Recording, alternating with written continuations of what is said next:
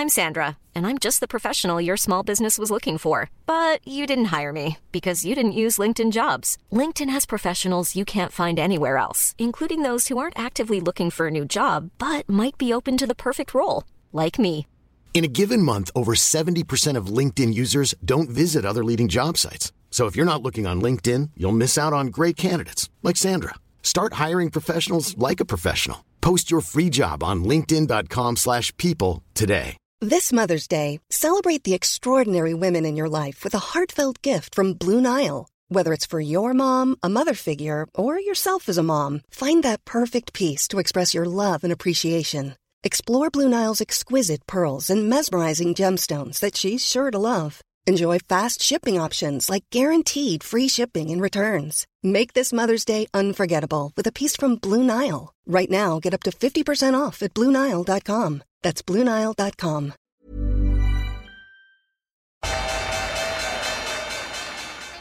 They mistook leverage for genius. Leverage for genius.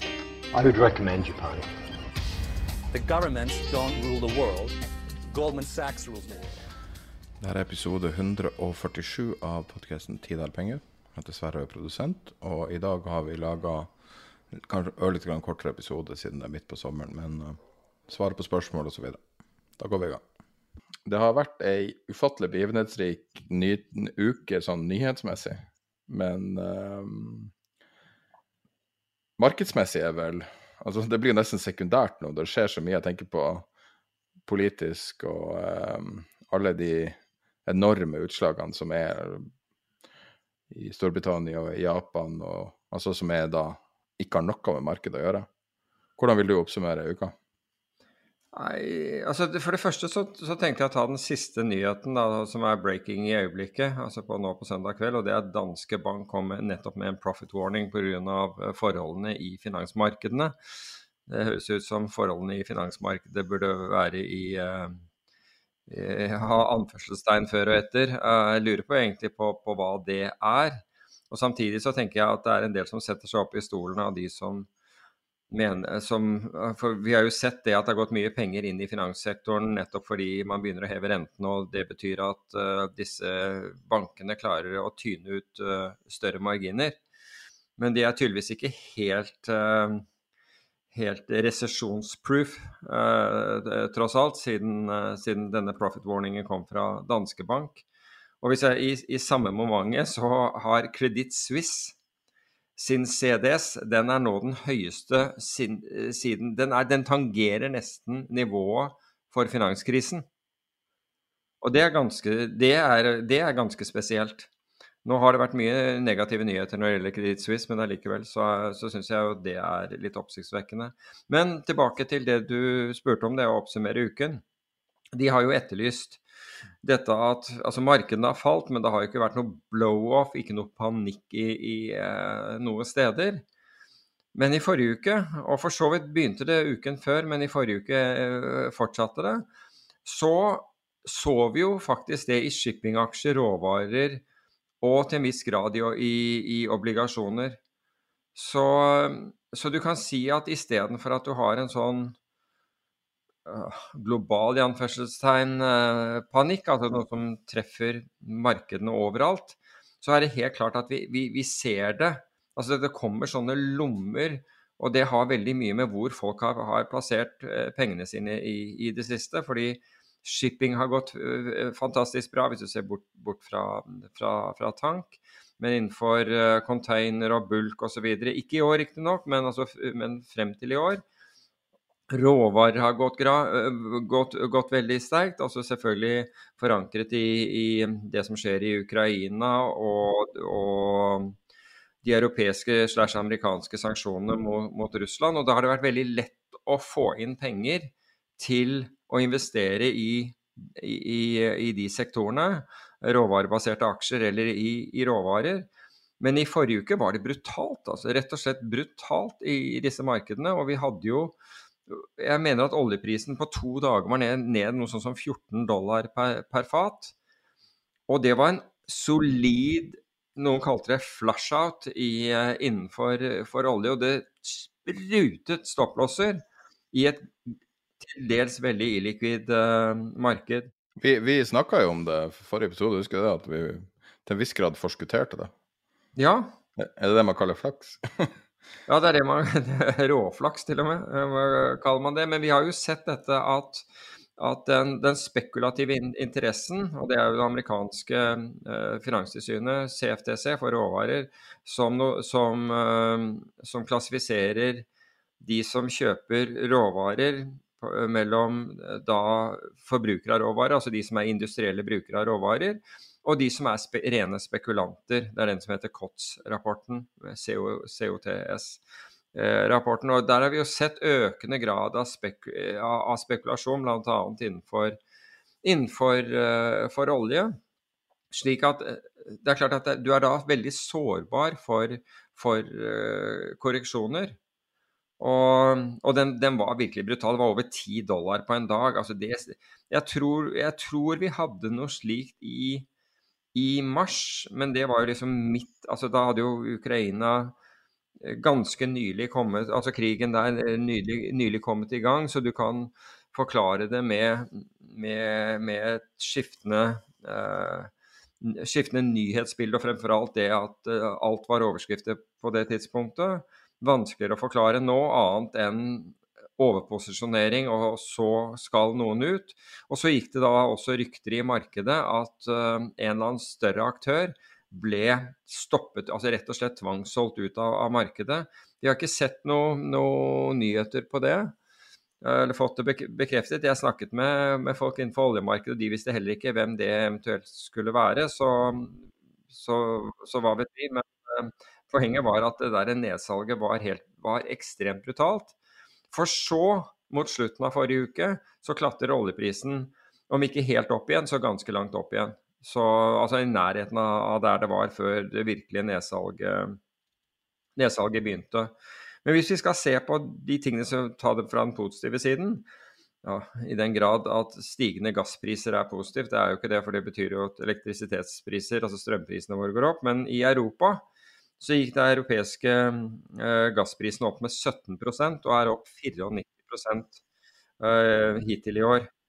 Um, det blekner imidlertid i forhold til uh, Newcastle Coal, som på årsbasis, altså hittil i år, er opp 181 Så det, så det, det drar på. Vi, vi, så en korreksjon, eller en reaksjon oppover. Får vi se om det er en korreksjon eller, eller, eller hva det er, innenfor, innenfor teknologi. og da også innenfor krypto, for det var også mange som hadde gitt opp helt tydelig krypto idet den falt ned under 20 000 dollar igjen. For, men endte, endte, uken på rundt 21 000, og Galaxy var opp 16 eh, i forrige uke. Gledelig er Norwegian Block, uh, Block, Exchange, som da fikk en Hva kaller du denne lisensen? Er det e-bank? E-bank, ja e-banklisens, og der tror jeg Jeg mener at de var opp 28% eller noe sånt på, på uken, så det Men er det Når vi hadde dem på som sponsa intervju, så snakka de jo om at eh, de skulle få banklisens. Så jeg tror det her er mm. et lite steg i retning for å få Og de snakka jo da om at de på en måte følger playbooken til viss grad til Bank Norwegian, og at e-banklisensen gir dem mulighet til å ha kredittkort. Litt sånn krypto.com og og andre aktører har. Ja, og i så måte så er det jo ikke noe unikt, for å si det på den måten. Men hvis det er et steg i, i riktig retning nå, jo, nå, har jo andre etablert i hvert fall investeringsbanker innenfor for krypto. Her er grann, her handler det jo om å komme, komme raskt og tidlig til, eh, til markedet. Uh, men, for, men, for, Norwegian altså Nå har jo de fått jeg føler at det har vært veldig mye negative nyheter, eller i hvert fall synspunkter rundt, eh, rundt uh, selskapet. Og, eller med, eh, mediedekning. Så nå er det i hvert fall en, en, en gladsak uh, som, som, er kommet ut, og det er jo så, sånn, sett, uh, sånn, sett, bra.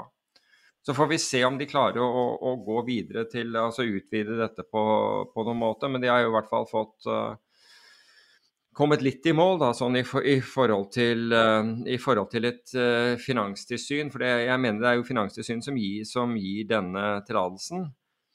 Og det vil jo være første gang Finanstilsynet gir noe slikt noe til et, et selskap innenfor, innenfor, krypto. Uh, men, men, men, uansett så, så tror jeg at uh, Norwegian Block Exchange er den eneste som, som er på en måte kryptobasert, som har, har, fått den.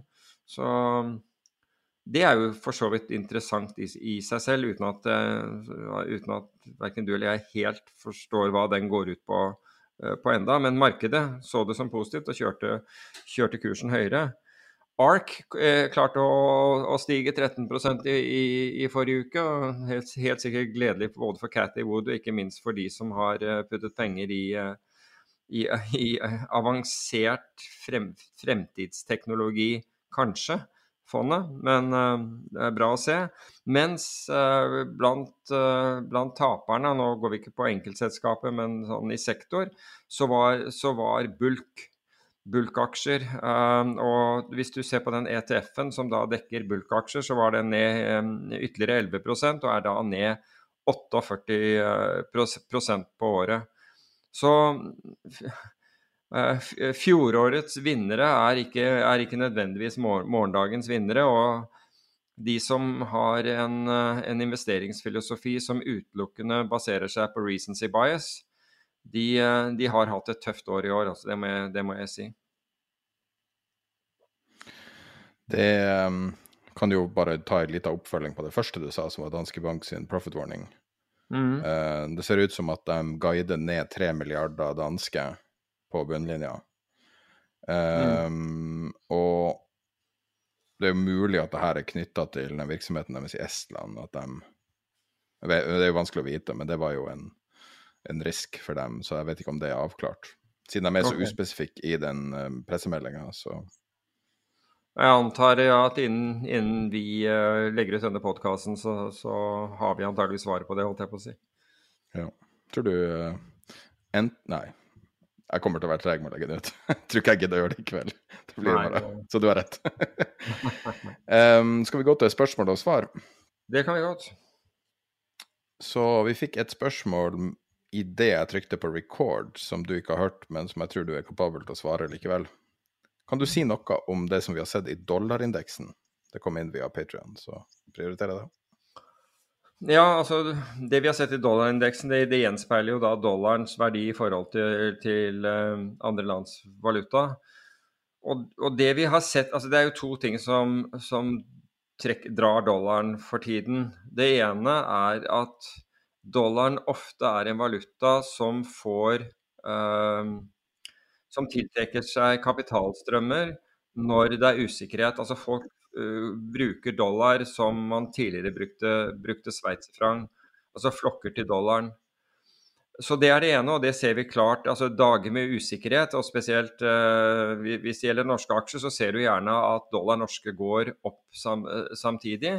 Og derfor, og, og, og som en, så, som en uh, svært kvantitativ belastet venn og, og, tidligere kollega av meg, Øyvind Tville, sa altså, da han spurte meg forleden vet du hva den viktigste beslutningen man tok da, da man opprettet oljefondet var.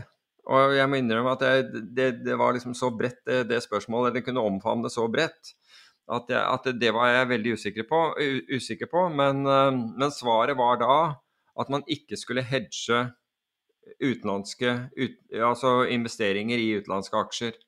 Altså man, hvor man ikke skulle valutasikre disse. Fordi at, at, de, at, flertallet av disse er i dollar. Altså dollaren har i denne perioden nesten gått opp 100% fra oljefondet ble startet. Så da kan man jo forestille seg hvor, altså, hvilke inntekter det, det, har gitt landet. At man ikke hedget. Og, og det er jo en tanke rundt dette at, at, mange er opptatt av hvordan man skal sikre, altså hvordan man skal sikre seg mot nedgang og osv. Det ene er at du kan at delvis, altså hvis du har investert f.eks. i amerikanske aksjer, altså ta f.eks. oljefondet da, da covid traff, hadde veldig liten innvirkning nettopp fordi dollaren steg dramatisk mens dette skjedde. Selv om verdipapirene falt, så steg dollaren omtrent det samme. Så, så det var ikke det var ikke store utslaget. Det er det ene, at du kan få den effekten. Og det andre er at hvor, er at hvor opptatt er du av å beholde din internasjonale kjøpekraft? Så kan man si hva skal jeg med den? Jo, det er f.eks. hvis du altså, eh, har eh, business med utlandet, altså du kjøper ting fra utlandet, eh, det, så, så, er det interessant. Hvis du tilbringer tid i utlandet for ferier osv., så, videre, så kan det være at, at, du ønsker å opprettholde din internasjonale kjøpekraft for f.eks. hoteller og, og, og, flybilletter og mange andre ting prises ut ifra amerikanske dollar. Så du kan si at ingenting kan skje i, og allike, altså, eh, det, er, det er, ikke en prisøkning, men, men, plutselig så opplever du prisøkning. Og det er rett og slett fordi dollaren har gått opp i, i forhold til uh, norske kroner. Det er ikke det at flyselskapene har tatt, tatt, mer, tatt seg bedre betalt. Så DXY er da indeksen som, som er handelsvektet uh, indeks for, for, dollaren, og den har nå brutt ut på, på oppsiden. Og det, og det virker nå som den uroen som er i verden, den trekker stadig flere til, ut av eh, valutaer som bl.a. euro, norske kroner, fordi norske kroner er en liten valuta, og, og da inn i, i, dollar. Så det er det egentlig som foregår der. Så neste spørsmål. Vi sier jo mange ord, og vi tidvis altfor mye, selvfølgelig, bruker engelske begreper og engelske uttrykk. Et ord som dukker opp ofte, er prop trader. Eh, forkortelse for proprietary trader. Kan du forklare hva det er? Ja, og, og, og, her må jeg bare beklage at vi ikke har eh, tatt, eh, tatt, dette spørsmålet tidligere. For jeg har fått det, og så har det blitt gjentatt, og så har flere kommet med det. Og så har av en eller annen grunn så har dette falt mellom, mellom plankene. Men en prop trader er da en som driver med egenhandel. eh, i, innenfor f.eks. En, en bank. Banker hadde veldig mye, hadde store prop-trading-avdelinger eh, tidligere. I dag er det stort sett hedgefondene, og hedgefond kan da ha grupper som driver med prop-trading, eh, som betyr egenhandel. Jeg eh, ledet prop-tradingen i en bank selv, og den var da strukturert slik fordi banken tjente masse, masse penger så lenge økonomien utviklet seg positivt. Da betalte folk lånene sine og rentene sine, og vi fikk ny business osv. Og, så og banken lånte også ut, finansierte også folk som kjøpte, kjøpte aksjer. Så den prop-tradingen som jeg gjorde der, den da var, var, myntet på at hvis det ble dårlige, dårlige tider, så skulle, del, så, skulle, så skulle den porteføljen som jeg satt på, den skulle i hvert fall tjene penger da. Den kunne gjerne tjene penger ellers også, men det var veldig fokus på at, at den skulle ikke være syklisk orientert. En prop, altså, trader er da en trader som, som opptrer uavhengig egentlig av markedet. For hvis du, har, hvis du er en prop-trader, så er det ingen som vil høre på at ja, men børsen var nede i dag, derfor har, derfor har jeg tapt penger eller noe sånt noe. Det er ikke interessant for noen som eh, ansetter en proptrader. Proptraderen har som jobb å forsøke å tjene penger hver eneste dag. Selvfølgelig er det helt, helt umulig, du gjør ikke hver eneste dag. Men, ikke, men, du følger ikke noe indeks. Du skal prøve å finne undervurderte, være seg aksjer, valutaer, renter eller hva som helst. Muligheter i markedet, det er det du ser etter hele tiden. Og de er veldig ofte uh, uavhengig av utviklingen i aksjemarkedet. Så, så, du trenger ikke du, ikke du, skal ikke være avhengig av et aksjemarked som stiger for å kunne tjene penger. Tvert imot, hvis, hvis, hvis, du, er, hvis du, er, avhengig av det, så kan, så, så kan, banken eller foretaket du jobber for, like gjerne kjøpe et aksjefond. For da tilfører du ikke noe, egentlig noe, noe, noe verdi. Og en prop trader kan enten være en som handler veldig kortsiktig, eller kan sitte på lengre, lengre posisjoner. Det er helt opp til, opp til, det mandatet man har og den avtalen man har. Noen har lang, lange posisjoner, og andre har da f.eks. bare posisjoner innenfor, innenfor en dag. Neste spørsmål, muligens fra meg. Hva tror du lønna til SAS-sjefen er? Jeg har ikke peiling. Er det, det, er, eh, da, det er han nederlenderen du sikter til? Ja. Du kan jo gjette. Jeg, jeg, jeg må innrømme, jeg har ikke peiling.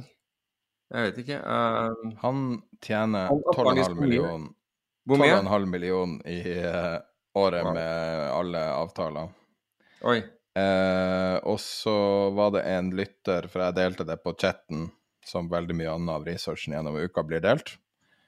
Og Da var det en som uh, påpekte at han uh, drev et selskap som heter Avianca tidligere, som var et colombiansk flyselskap i Star Alliance. Og det var hans forrige jobb. Og de gikk gjennom Chapter 11 i 2020. Oh, wow. Så du skjønner jo omtrent hvorfor han er ansatt, da. Apropos Avianca. Jeg satt og spiste uh, på restauranten Windows of the World i World Trade Center da Avianca, husker ikke uh, flightnummeret, styrtet utenfor LaGuardia.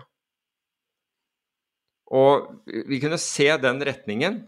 Og ante jo selvfølgelig ikke at et fly hadde styrtet, men du så det var voldsomt med sånn, sånn emergency-lys uh, der ute ved der, der ute altså, Jeg vet ikke, LaGuardia ligger bortenfor Brooklyn, altså det er ikke på, på Manhattan, selvfølgelig. Um, der, der, hva blir det? Det blir øst for Manhattan, men ante ikke. Men da, da var det for øvrig et Avianca-fly som ikke turte å si at de var lav på fuel, og så hadde de blitt liggende og, og, og sirkle fordi de hadde blitt holdt der i sånn holding pattern, og så turte ikke piloten å si fra. Og så styrter de 200-300 meter fra enden av rullebanen når de endelig, endelig gjør innflyvingen sin. Så det er, det er, min første erfaring med Avianca. Så får vi håpe at det går bedre med SAS enn det gjorde med, med det flyet. Men 12,5 er jo så det holder, da. Han fikk vel 30 mill. i sin forrige jobb for å sende dem gjennom, men logikken er jo selvfølgelig å betale en person med ekspertise for å få gjennom hvis man klarer å ribbe SAS for alle problemene gjennom en chapter 11, altså da en amerikansk konkursbeskyttelse som beskytter SAS fra sine egne kreditorer, som gjør det mulig å omstrukturere, er det, mm. er det de er midt i nå. Um, neste spørsmål. Uh, hørte rykter om at en stor oljeaktør gikk under sist uke. Hva tror du om dette? Ja, vi, var, vi touchet jo inne på det da vi snakket om, uh, om, om markedene. Altså, jeg har ikke noe formening om annet enn at det var et påfallende uh, Det var påfallende heftig med, med selging i oljemarkedet i forrige uke. Og, og det igjen med, betyr at stopplosset blir, blir utløst. Og, og ryktet går at, at, det var en. Og, og, det kan godt stemme, altså med den aktiviteten vi så. Fordi på dag to, altså så, så en, da, det er da vi faller ca.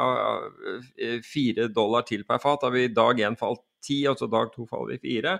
Og så er plutselig selgingen over. Og da skvetter da oljeprisen opp fra var 96 dollar eller 97 dollar, nå snakker jeg om amerikanske lettoljen WTI, opp i 105. Det, det, for meg tyder veldig på at, eh, at, da er du ferdig med å selge noen ut. Men jeg tipper at, eh, at, det, at vi vil se noe i nye Så hvis det er noe hold i at det er at det er en som ble tvangs... Altså en stor en, så tipper jeg vi vil se det i nyhetene i løpet av, uh, i løpet av den uken som, som, som, kommer nå. Så vi får, vi får vente og se. Det, altså, når, når, du sitter her, jeg bare tenker for egen del Jeg er så glad at, at posisjonene mine i olje består av er gjort gjennom opsjoner. Fordi det er jo ingen som sitter med, med med stopplosser på, på, mer enn 15 dollar under, under, under kursen. ikke sant? Da, da, da, da, har du allerede tapt så mye penger at det er helt grusomt. Så her ble folk flushed out, altså. Helt klart. Eh, neste spørsmål og siste spørsmål. Bør en oljefondsjef bruke tid på podkast, intervjuer, foredrag, skoleoppmøter, sosiale medier og andre tilsynelatende urelaterte ting fra forvaltning? Vet du, det der har jeg, der har jeg tenkt litt på. Og, og når jeg setter det sammen med altså En av de tingene som oljefondet, i hvert fall under, under Yngve Slyngstad, hadde som målsetting, det var å, å bidra til å høyne nivået innenfor finans i Norge. Og det er mange måter man kunne gjort det på. og En av dem var jo å lage en sånn millennium-type, altså hvor, hvor oljefondet satte av penger og så kunne man søke altså, om å for, forvalte en del av den kapitalen. La oss si at, oss si at oljefondet satte av uh, 1 milliard kroner da, og, og, fordelte det på jeg vet ikke, 20 eller 50 eller noe sånt noe, uh, uh, wannabe-forvaltere. Altså, som, det måtte jo være en infrastruktur rundt, men, og du måtte jo du måtte jo gå gjennom en prosess, for du, du, tar ikke inn folk fra gaten og sier nå her kan du bare drive og leke. Um, og så gjennom det gjennom veldig eh, eh, god risk management som oljefondet, eh, som oljefondet har, så ut ifra det så, så, for, så, øker du kompetansen og kanskje finner noen nye stjerner i Norge. Den muligheten forsvant da oljefondet hadde plassert penger hos et svensk forvaltningsselskap som gjorde det så bra at profit-splitten, altså at, at, eh, det forvaltningsselskapet, det fondet, hadde da, eh, hadde da eh, et fast honorar pluss et suksesshonorar. Og det suksesshonoraret fordi oljefondet tjente så grisemye penger på, det, på, på, den investeringen som den gjorde her, og det var snakk om mange milliarder, så hadde dette, dette, det, dette, fondet tror jeg de hadde i hvert fall over 100, kanskje oppimot 200 millioner kroner i suksess, suksesshonorar det var for mye for det norske lynnet. Da... Jeg vil bare si at du går veldig rundt grøten for å svare på spørsmålet. jo, jo, men, jo, jeg beklager det, men, men, du kan si at det utesluttet altså Den debatten som ble politisk debatt, det var ikke måte på. Det var til og med en stortingspolitiker som sa at hvis man, hvis man skulle betale ut sånne honorarer, så ville det ikke være noe igjen av oljefondet. Uh, det var prosent av hva man hadde tjent. Det, det, det var tydeligvis det det var, var litt uklart for de folkevalgte. Men poenget var at for Yngve Slyngstads del så brukte han så mye tid på å forsvare den investeringen som da var gjort, og som hadde gitt da oljefondet en fantastisk, og det norske folk, en fantastisk eh, eh, gevinst, at, at han, det der var uaktuelt. Man kunne ikke gjøre det. Så tilbake til ditt spørsmål og hvorfor dette kan være relevant, det som Tangen i dag gjør, er at, vi, at han kan heller ikke gjøre sannsynligvis eh, det, som, det, som, kunne vært tenkt, som jeg nettopp illustrerte. Og dette kan være, dermed være hans måte, eller fondets måte, å bidra til å bredde og høyne norsk finans gjennom at man får, får, får kunnskap på, på denne måten. Så jeg syns det er et argument for det. Altså, nå feller ikke jeg dom om, om det er Tangen som skal gjøre dette, eller, eller, andre. Men hvis man fortsatt har det som målsetting, er at vi skal, vi skal høyne kompetansen også på norsk finans, ikke bare på de folkene som jobber i oljefondet, men norsk finans eller generelt, Norge, og, om man vil, så kan dette være en, en, bra måte å gjøre det på, og hvor Tangen ikke må, stå skolerett i, uh, for, foran finanskomité eller andre og, og, forsøke å forklare hvorfor man har betalt uh, høye honorarer til en eller annen som har, har, tjent voldsomt mye for landet. Får jeg lov å ta andre sida av den argumentasjonen? Ja, kom igjen. Um, det kan også sies at oljefondet har mange hundre ansatte. Var det 600 vi sjekka sist? Um, jeg tror det var det de har. Og um, det har alltid vært en organisasjon som har vært prega av enorm kompetanse i dybden, som ikke hadde et ansikt utad. Der Yngve Slyngstad var en slags politikertype som valgte en lav profil og, og lot uh, underdirektører uh, uttale seg på sine vegne osv., men var ikke en gallionsfigur.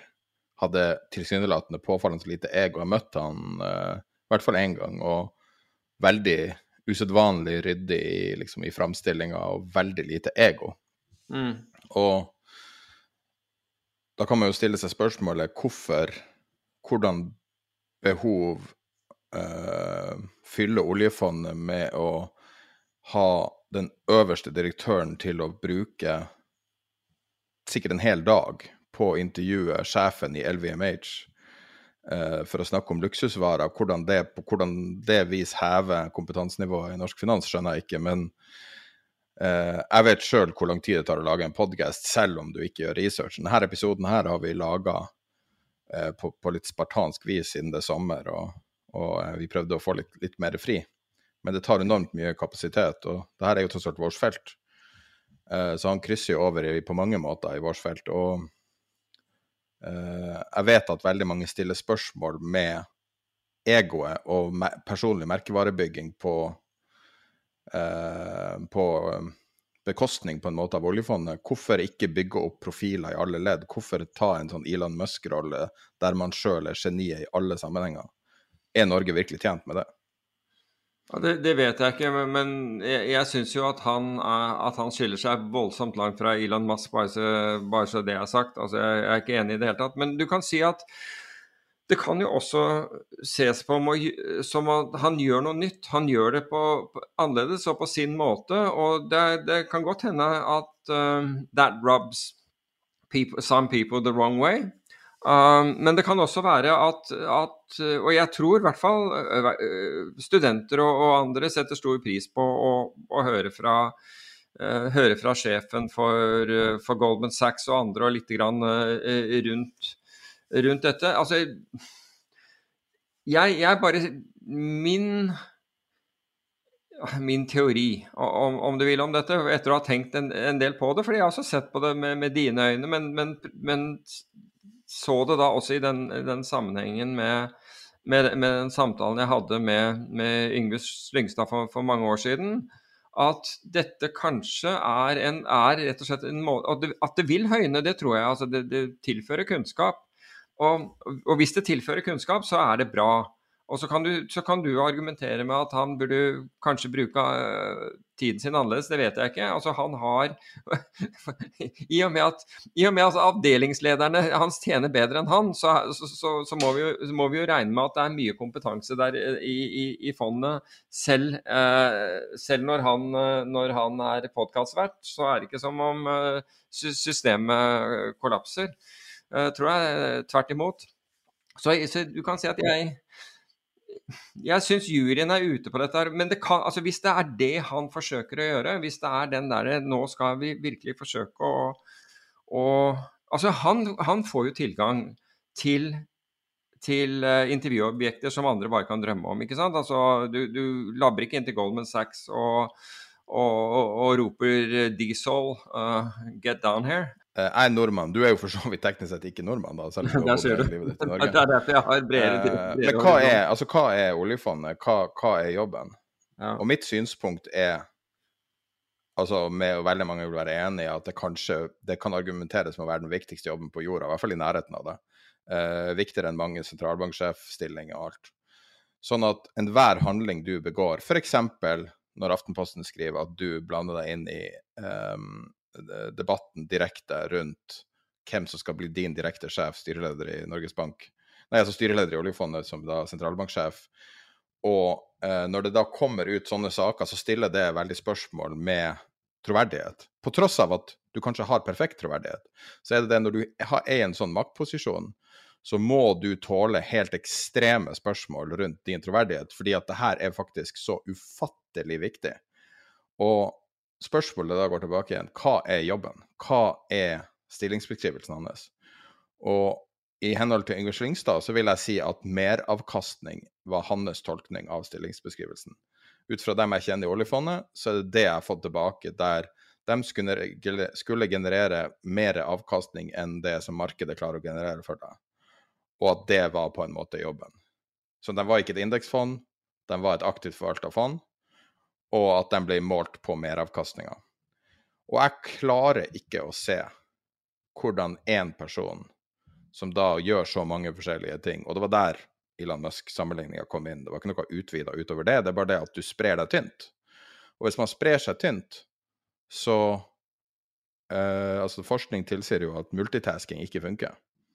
At du bare gjør alt dårligere all forskning tilsier det, som har skjedd på multitasking. Og hvis du gjør 70 oppgaver i uka, klarer du å gjøre de 70 oppgavene eh, på øverste nivå? Eller burde du kanskje delegere det her til kommunikasjonsavdelinga di, eller gud vet, for det er sikkert stor Det er sikkert mange som med det. Jo, men han har vel, han har vel delegert uh, store deler av den jobben som, uh, som han er satt til å gjøre, til avdelingsledere, regner jeg med. Altså, det, det, må jo være en av årsakene til at du betaler eh, folk over 10 millioner kroner. Så det kan jo ikke være fordi de ikke fatter noen beslutninger. Og så, og så anser han eh, at hans jobb er, å, er på en måte å, å, å overse at det blir gjort uh, på, på, en ordentlig måte. Men, men, nå er jeg langt unna. Altså jeg er såpass langt unna dette her at jeg aner jo ikke om det, det er slik han tenker eller ikke. Men han, altså han tar jo aktive grep. Aktive grep, det blir jo en, en morsomhet i, det, i, i, dette momentet. fordi ved å øke den aktive forvaltningen i, i, fondet på tvers av det som var alles frykt at han kunne finne på å gjøre eh, på forhånd. Og dette er ikke ment som en kritikk, dette er ment som en observasjon. Kun som en ob observasjon.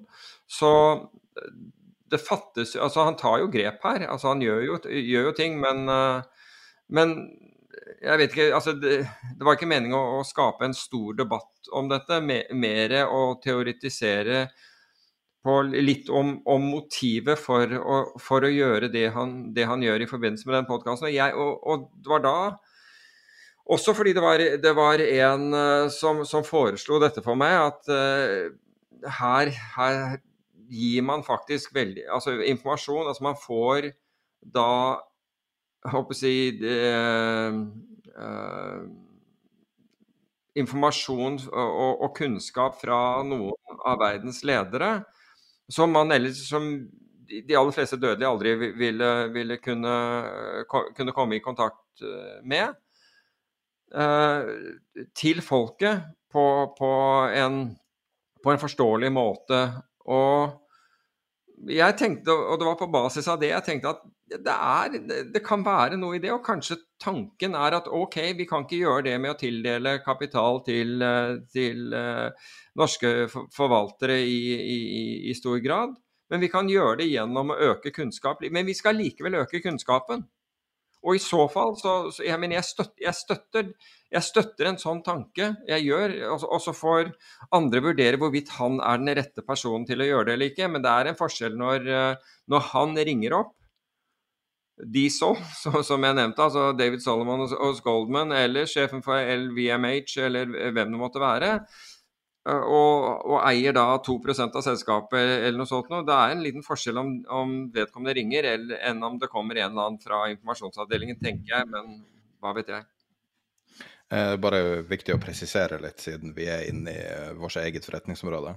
Mm. Eh, for det første så er dette et tema vi har fått spørsmål om utallige ganger. Titalls, tyvetalls, tredvetalls ganger. Om at vi skulle adressere den nye podkasten. Den heter In Good Company, tror jeg. Uh, det ene er om det her er sjalusi fra en annen podkast. Eh, det er det absolutt ikke. Vi har valgt å ikke ta dette temaet opp siden det er såpass nært vårt forretningsområde. Og jeg vil si at alt annet like, så er det sannsynligvis bra for vår bunnlinje. Jo mer podkaster, jo bedre business er det som er regelen. Så det er bare å si at det her er ikke noe sjalusi på den måten. En annen ting er at uh, nå okkuperte jeg litt uh, uh, tematikken her. Vanligvis er det bare Peter skal svare på spørsmålet. Jeg prøvde å reflektere også en del av tilbakemeldingen vi har fått fra både uh, norsk finansnæring, vanlige folk, og også innad i oljefondet, som vi snakker med regelmessig. Uh, og så prøve å gi en helt sånn balansert refleksjon av temaet. Så ikke alt jeg sier er ikke nødvendigvis mine egne personlige meninger, men det er en uvanlig viktig jobb, og det er uvanlig viktig å adressere det riktig. Så bare litt presisering. Men uh, vi kanskje gi en shout-out. Nå skal jeg gjøre noe som jeg alltid har, har lyst til å gjøre. Daniel Andersen Aasen. Jeg vet du hører på akkurat nå, og jeg vet at du skvatt litt til akkurat nå når du får det fulle navnet. Og jeg tror vi må si takk for at vi fikk en shout-out fra deg i Computer World. så han sa at han, eh, han var fan av Tid er penger, eller han hørte på Tid er penger, var det han sa. Nei, han sa så, at vi, vi, vi, forklarte komplekse økonomiske ting på en eh, forståelig måte. Og altså, jeg, jeg, blir jo rørt jeg når folk sier det, for å være helt ærlig. fordi det er jo akkurat det vi forsøker å gjøre. Det er akkurat det som en av de målsettingene vi har, er å gjøre komplekse ting forståelig.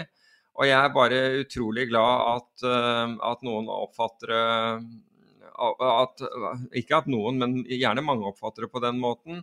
Men at han var så raus at, at, at, han svarte det når han ble spurt om han hørte på noe, noe, noe podkast. Så jeg var veldig takknemlig, takknemlig. Det skal du vite, Daniel. Jeg var veldig eh, takknemlig for den.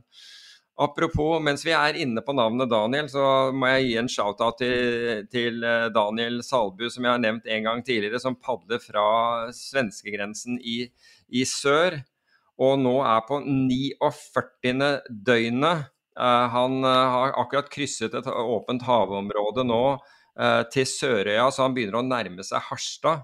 Og nå er det liksom kysten utenfor, utenfor Finnmark som, som, står for tur. Altså 49 dager har han padlet i et kjør. Eh, opp, oppover, eh, oppover, kysten, og det står respekt av. Det verste er at han, han gjør dette her både for egen opplevelse, men, men for å samle inn penger til, eh, til Redningsselskapet. Jeg syns det står respekt av det. og det der er altså 49 døgn i all mulig sjø og dauskap oppover der. Det er sikkert mange, mange flotte opplevelser.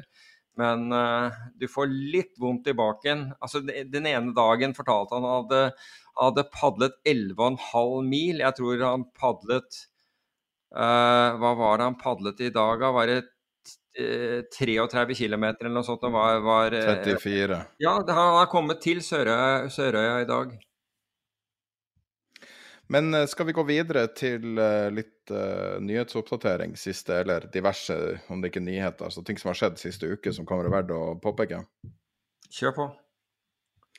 Uh, rett før vi starta i dag, så hadde Bloomberg en artikkel om Putin sitt nye våpen, som er at han skal blande seg inn i eksporten av olje ut av Kasakhstan.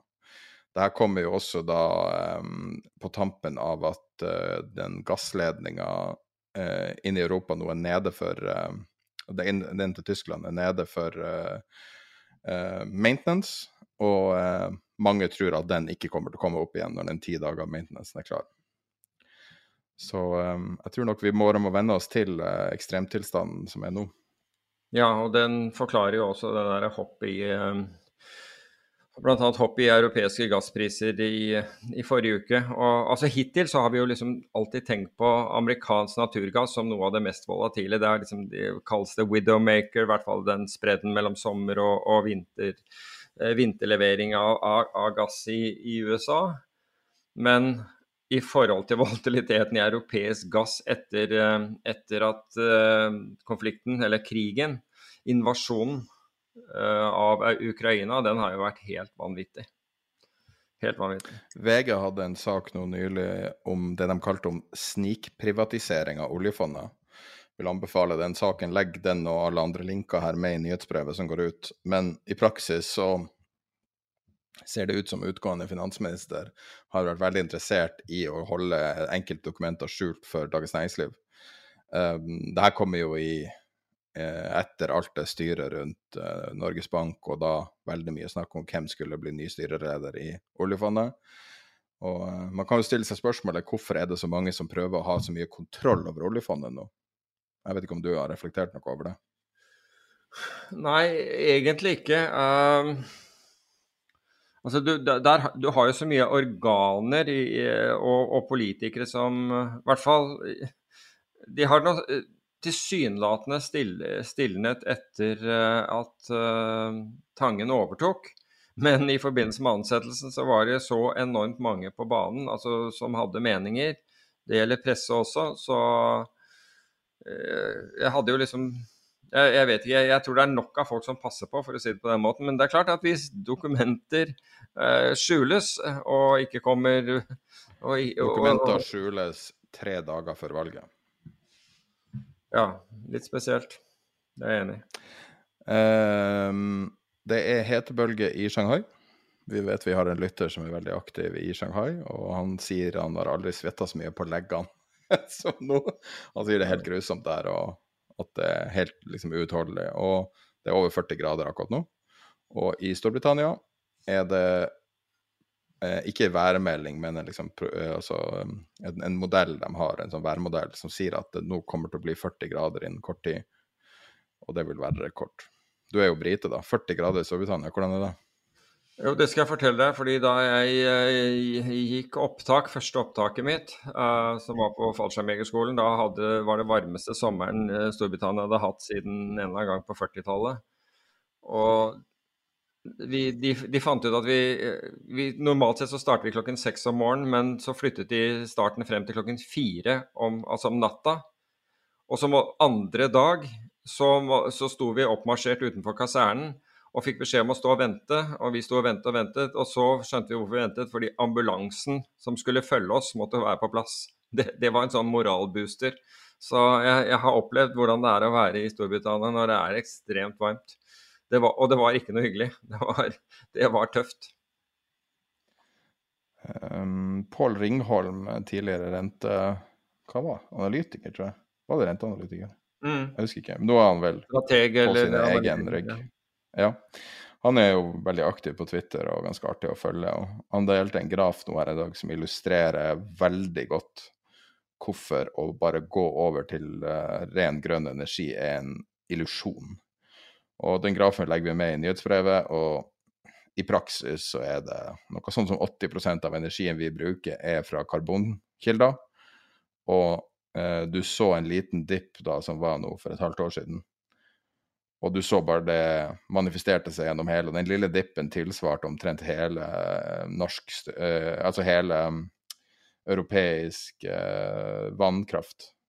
Bare en så bitte liten dipp i en av, og det var vel bensin... Nei, oljerelatert eh, energibruk. Så Nei, jeg vet ikke. Det, altså, jeg er veldig pro at man skal endre eh, til en eh, grønn energi, uansett hvordan form. Men når du ser den grafen, så er det veldig vanskelig å tro at det blir å skje med det første. Ja, og nå har vi jo fått, lov, fått oppleve hva konsekvensene av å gjøre dette uten å tenke på konsekvensene av å gjøre dette. Og det, det, altså det, var full, det var jo full gass i den retningen i Norge. Det, alt skulle være grønt, og man hoppet rundt, og det var, var liksom tilbake i hippietiden et øyeblikk. Um, uten å tenke på hvilke konsekvenser det kunne ha, ikke minst sikkerhetspolitisk, og, og, og også nå nasjonaløkonomisk. Så um, nå ser vi hvordan, uh, hva, altså hvilken uh, situasjon Tyskland er kommet i.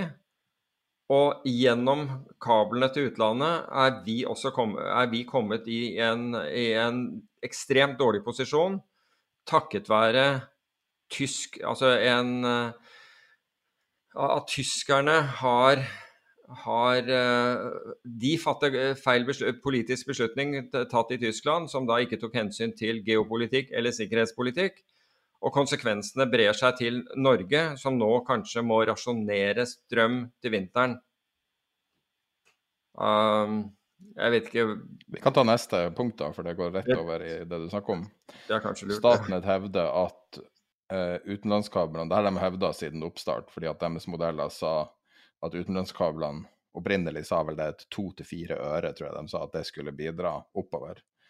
Uh, nå sier de at ca. 10 av prisøkninga eh, har skyldtes kablene, men med tanke på at det her er et marginalmarked, som er at den siste kjøperen, den marginale kjøperen, setter prisen i praksis, så er vel det argumentet faller litt flatt. Ja, det faller til de grader flatt, og det sier jo alle som er innenfor eh, industrien der også. Det er jo ingen som, som hevder dette her lenger. Det er bare fantastisk at de gjør det. Nei, det er bare 10 Det er jo ikke det, vet du, når, når, eh, når det begynner å bli vannmangel i magasinene og, og naturressursene er, er, sendt ut av landet. Det er jo bare tull. Um, har du fulgt med europeiske korte renter? De er ganske flate. Og de har jo tidligere tracka eh, ganske tett på europeisk inflasjon. Tror du de kommer til å skyte i været nå? Ja, altså, altså, sannsynligvis gjør de det. Altså, alt det som skjedde egentlig forrige uke og uken tidligere altså, da, Vi var jo innledningsvis inne på det. altså Kraftig fall i, um, i, i råvarepriser. Um, du så også fall i lange renter, altså obligasjonsrentene. Hvis du ser på, hvis jeg kan bare switche til USA et øyeblikk og se på euro-dollar, altså den amerikanske korte rentekurven, så har den nå snudd fra neste år, slik at den, den, altså den fortsetter ikke oppover med andre at man skal heve og heve renten. Den har allerede snudd, snudd nedover. Så hva er det som har skjedd? Jo, vi har nå Altså markedene har brått og brutalt tatt inn over seg at denne inflasjonen er så kraftig at den vil, den, vil dempe veksten. Den vil, den vil og, og, den kan snu Altså rett og slett stoppe den økonomiske veksten. Og det, er, og det skremmer vannet av folk. Hvorfor? Jo, fordi hvis man tenker på selskapene og, og, og verdien vi setter på selskapene, så er det jo de beregnet på, på fremtidig inntjening. Og hvis den nå faller, så vil det jo si at prisen er for høy. Altså kursene er, er for høye.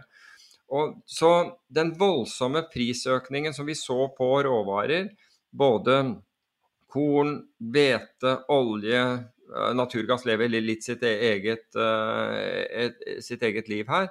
Men store råvarer, den var så dramatisk at plutselig så tok man dette her inn over seg. At hør her, nå, strøm f.eks. Nå stiger disse prisene så mye at man stanser industriell utvikling, og det har man gjort i ved flere tilfeller i Norge, hvor man sier at vet du, vi har ikke råd til å starte opp med, med disse strømprisene. Så blir det ikke noe business. Altså, vi, vi tør ikke å, å, starte en virksomhet, vi tør ikke å ansette mennesker. Vi har ikke sett i arbeidstallene enda, men, men etter min oppfatning så vil vi gjøre det.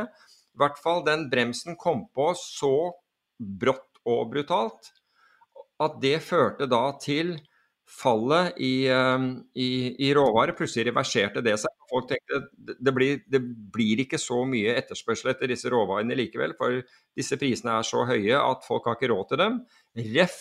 Sri Lanka og en hel haug andre land nå hvor, hvor det demonstreres til dels voldelig pga. Av, av vanvittig økning i matvarepriser. Så det har kuttet det. Dermed så får det en effekt på renten. For hvis veksten faller, så skal sannsynligvis ikke renten så, uh, så mye oppover. Og det ser vi igjen i altså det er, det er, Som jeg har sagt tidligere, det er ikke logisk at hvis du har 8,6% inflasjon, eller som du har i USA i øyeblikket, at tiårs obligasjonsrenten skal ligge på 3% For det er minus 5,6% realrente. Altså du taper 5,6% realrente i året på å kjøpe disse obligasjonene. Men, det, men det, alle disse tingene skjedde samtidig, så, så, de henger sammen. Så folk fikk plutselig Oi, her Nå bremser det. Så kom, renten, så, så kom i hvert fall de lange rentene ned. Vi så uh, euro-dollar-kurven snu. Um, og Det tror jeg også er årsaken til at en del av, av teknologi altså I det øyeblikket lange renter falt, så, så ble det optimisme igjen i, uh, innenfor teknologiaksjer. Og så fikk du en rekyl der. Så det er mange ting som skjer, uh, skjer samtidig. Det som også skjer nå, er trøbbel i emerging markets. Ja, uh, spesifikke obligasjoner. Ja. Og ja, det er bare å gå videre til neste punkt. hvis at du toucher på det. Ja, men de, ja, de henger sammen. Absolutt.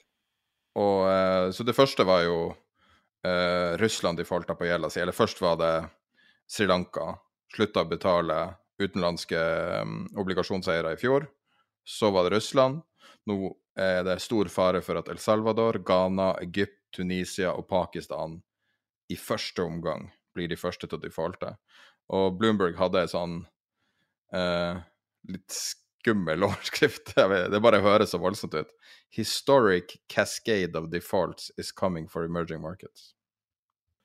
Ja, du, og Der det jo, kan det være interessant å se hvilke konsekvenser det kommer til å ha for, eh, for, finansmarkedene generelt, og for hvilke aktører i finansmarkedene dette kommer til å gripe inn, uh, gripe inn for. Så, så, det er mye som skjer nå. Nå er Den russiske defaulten den er jo ikke fordi Russland uh, ikke har penger. Det har de. De har, de har, store inntekter fra selvfølgelig olje og gass eh, fortsatt. Men fordi eh, de ikke fikk bruke banksystemet og betale i, i dollar. Så det, det, det, er jo en litt merkelig sak dette med, med Russland. Men de, gått, de, er, de, er, default fordi de har ikke klart å betale. Og russerne vil gjerne betale i, i rubler. Og da er det nå spørsmål om noen av disse lånene kan tolkes, altså avtalene i noen av disse lånene kan tolkes slik at de kan få, få, få betale i, eh, i, egen valuta dersom det er umulig å, å, betale i dollar. Men for den som har gått i default, så var, så der, var det, der, var det, ikke anledning til det. Så det er en litt sånn teknisk konkurs når det gjelder, eh, når det gjelder Russland, men disse andre landene er høyst realistiske. Um, kan jo si som en, mer som en kommentar, kanskje. Det, VG hadde et stort portrettintervju med Støre nylig. Og han advarer mot tøff vinter.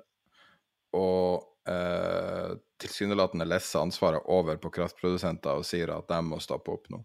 Så gjør ingen tiltak for å stoppe opp for eksport. Ja, altså han har jo Tidligere så har han jo lagt skylden på at ikke bedriftene uh, hadde regnet med denne usikkerheten som, uh, som en 500-600 oppgang i, i, plutselige strømpriser, altså i, strømpriser kunne, kunne utgjøre. Um, det var den jeg nevnte som han tok i Stortingets spørretime, hvor han liksom plutselig la skylden på at dette her var jo bedriftenes skyld. Um, og nå, nå har han snudd, og nå vil han legge skylden på kraftprodusenter. Det er ingen, men det, er, det, er, det, det jeg savner, det er at Men det er politikere generelt. Altså det er at de bruker så mye tid og krefter på å skyve skyld på andre og aldri innrømme skyld selv. Altså Den eneste gangen de innrømmer skyld, det er når de skriver memoarene sine 10-15 år etter at de har gått av, i, gått av fra, fra, politikken og det ikke spiller noen rolle lenger. Men ellers så gjør man jo ikke det. Altså ellers så, ellers så er det bare snakk om å få skjøvet den skylden og ikke fatte, ikke fatte nye avgjørelser. Det er, det er akkurat det her altså det, Som det sier i militæret, akkurat nå brenner det på dass, og det er ingen som på en måte forsøker å slukke den brannen. I hvert fall tilsynelatende. Men det vi hørte, hørte jo han uh, olje- og energiministeren på TV i går, at nå, nå, var det jo folk som skulle til Stortinget pga. å få stanset dette her. For nå måtte man, nå måtte man ta grep for, fordi regjeringen ikke gjorde det. Og da var de selvfølgelig i gang med noe. Det var, det var det han kunne fortelle om det. Det var ganske detaljert sagt. Vi er i gang med noe. Ok. What? Jeez. Ja. Uh, hva med det her, da? Når vi først er opphissa. så jeg vet ikke hva jeg skal gjenta det jeg sa før vi tok opp om det her punktet, men um, Mer fortvila. Mm. Nordic Choice, nå kjent som Strawberry et eller annet, mottok 327 millioner kroner fra norske skattebetalere som koronastøtte. En av de aller største mottakerne. Var det så mye? Jeg tror det var 200 nå, ja. men OK, hvis du sier det. Uh, E24 som har en oversikt. Okay. Jeg bare lesser ansvaret over på dem. for at det tar ja, det er bra. Her er et tall som står to, 342 står det litt lenger ned, så okay. gud vet hva som er riktig. Um, de uttalte seg til NRK nå i en De uttalte seg til NRK nå um, i en sak uh, som er uh, knytta til en byråkratisk problemstilling rundt uh, utbetalingen av lønnsstøtte. Og, uh, og jeg har veldig mye empati med at det her virker som et utrolig tungvint byråkratisk system som er knytta til datoen, altså tida i måneden de betaler ut lønn på, osv. Men når en bedrift som har tatt imot en tredjedels milliard i støtte, når de aller, aller fleste norske bedrifter ikke hadde kapasitet til å søke engang, for det krevde såpass mye infrastruktur til å søke, revisorgodkjenning bl.a. Og du har fått en kvart milliard, en tredjedels milliard. Burde du ikke holde kjeft, da? Uansett årsak. Jo, altså den uh, Antageligvis så burde du det. Antag, I hvert fall når, eh, når uh, alt ser ut til å Altså egen økonomi altså Den gangen så var det jo at uh, eierne hadde jo ikke, ikke, penger til å putte inn, og det hjalp ikke hvis de puttet inn.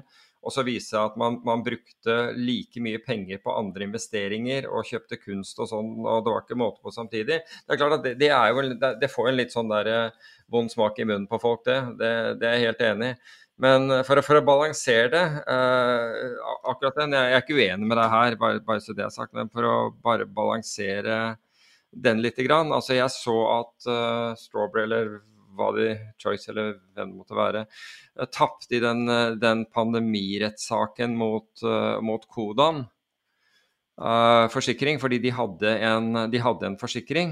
Uh, og så mente Kodan at det ikke dekket dette her, mens de mente at dette var det de ønsket å dekke. og Nå har ikke jeg gått inn i dette her for, for å se hva som helst, men Kodan er jo, er jo, er jo det selskapet. altså de, de, de, Deres default er å avslå ethvert eneste krav og, og, kjempe med nebb og klør for at du aldri skal få noe som helst for, de, eh, eh, for forsikringspremien eh, du hadde betalt. og så akkurat i, i, det tilfellet, jeg vet at dette er, har ingenting med det, det, du er, men der skulle jeg så gjerne sett at, de har, at uh, Stordal hadde vunnet. Altså. Det må jeg si. Jo, men du burde ha nok business sense til å ha en kontrakt som dekker eventualiteter. Skal du ha forsikring, så er det ditt ansvar at du velger selskap som faktisk betaler ut.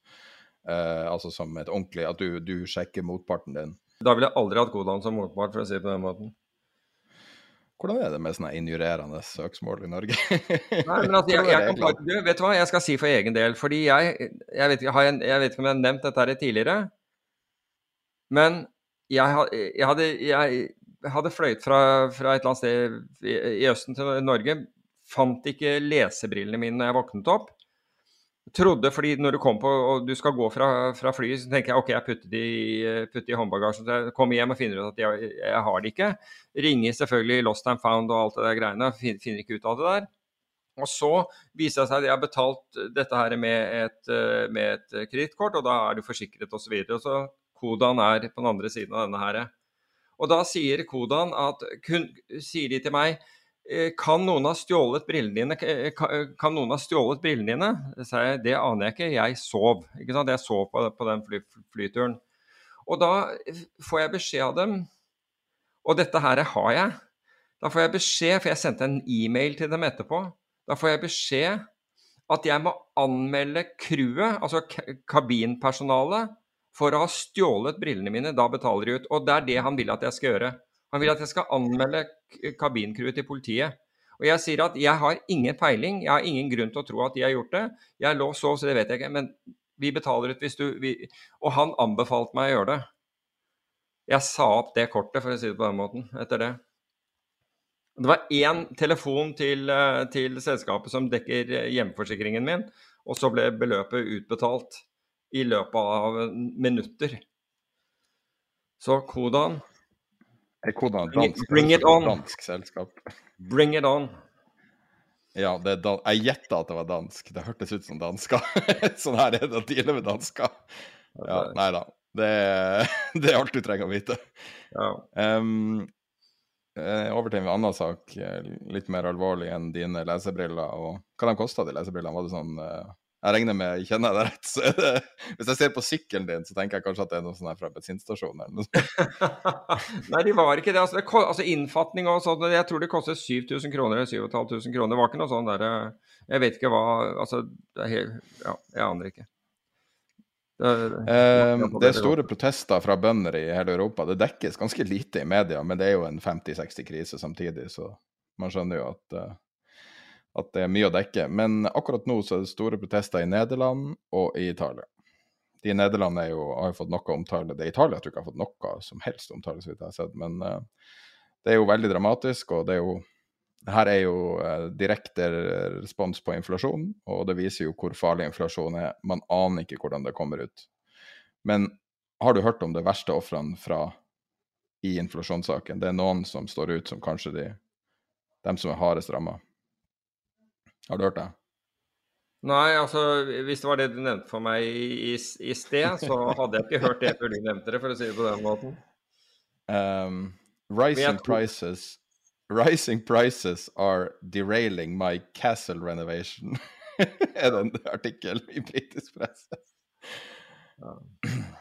Det er en sånn borg, sånn som er i uh, Life of Brian Nei, hva heter den filmen der? Det er Monty Python-filmen der de uh, står utenfor en borg. Sånn type borg er det å pusse opp. Ja. Du skal ha bra uh, baller for å stå og klage over det i avisa. Ja, det er litt, det er litt spesielt. Men, uh, Men hun dama som pusser opp, kan jo være fornøyd med at crackspreaden går ned. Ja. altså det som er i praksis marginen til raffineriene, mm. har falt fra rundt 60 til rundt 40. Ja, Men men, den, har vært, den har jo vært veldig høy da på, på Altså 60 er jo veldig høyt, og, og snittet er jo langt Altså det er vel nede på 10-15 eller et eller annet sånt, tenker jeg. Hvis du ser over tid. Så, så den har jo steget voldsomt uh, i, i tråd i, uh, i, tråd med, med stigende priser på bensin og diesel osv. Og, så videre, og jetfuel og alt annet. Men uh, ja. En annen sak som er positivt sånn inflasjonsmessig, nå eh, fallende oljepris, eller i hvert fall tilsynelatende fallende oljepris og fallende bensinpriser, er jo veldig positivt for å bremse inflasjonen. Eh, så vil jo hvete også være viktig. Og hveteprisene er nå tilbake til nivået før Ukraina ble invadert. Ja, det har jeg sett, og jeg, jeg har vondt for å forstå hva det er som skjer der.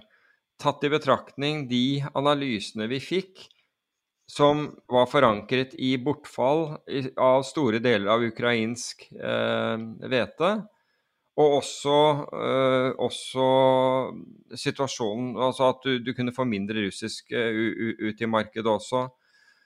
Altså Hvis de analyser... Jeg tror det er amerikanske hvetepriser. Det er På Bloombergen heter det bare Ja, nettopp. Så, så, så du, men altså, du kan jo Du eksporterer jo hvete, men jeg, jeg, jeg, forstår ikke helt altså Antageligvis er det det at det er en vanvittig forskjell i øyeblikket mellom, mellom europeiske og amerikanske hvetepriser. Fordi det gir ingen mening at du, du har fortsatt krig. Et skip har riktignok uh, seilt ut av Svartehavet ble midlertidig arrestert av tyrkerne full av hvete, hvor ukrainerne hevdet at den var stjålet fra dem, og russerne sa det var deres egen, og tyrkerne endte med å slippe skipet videre etter en stund.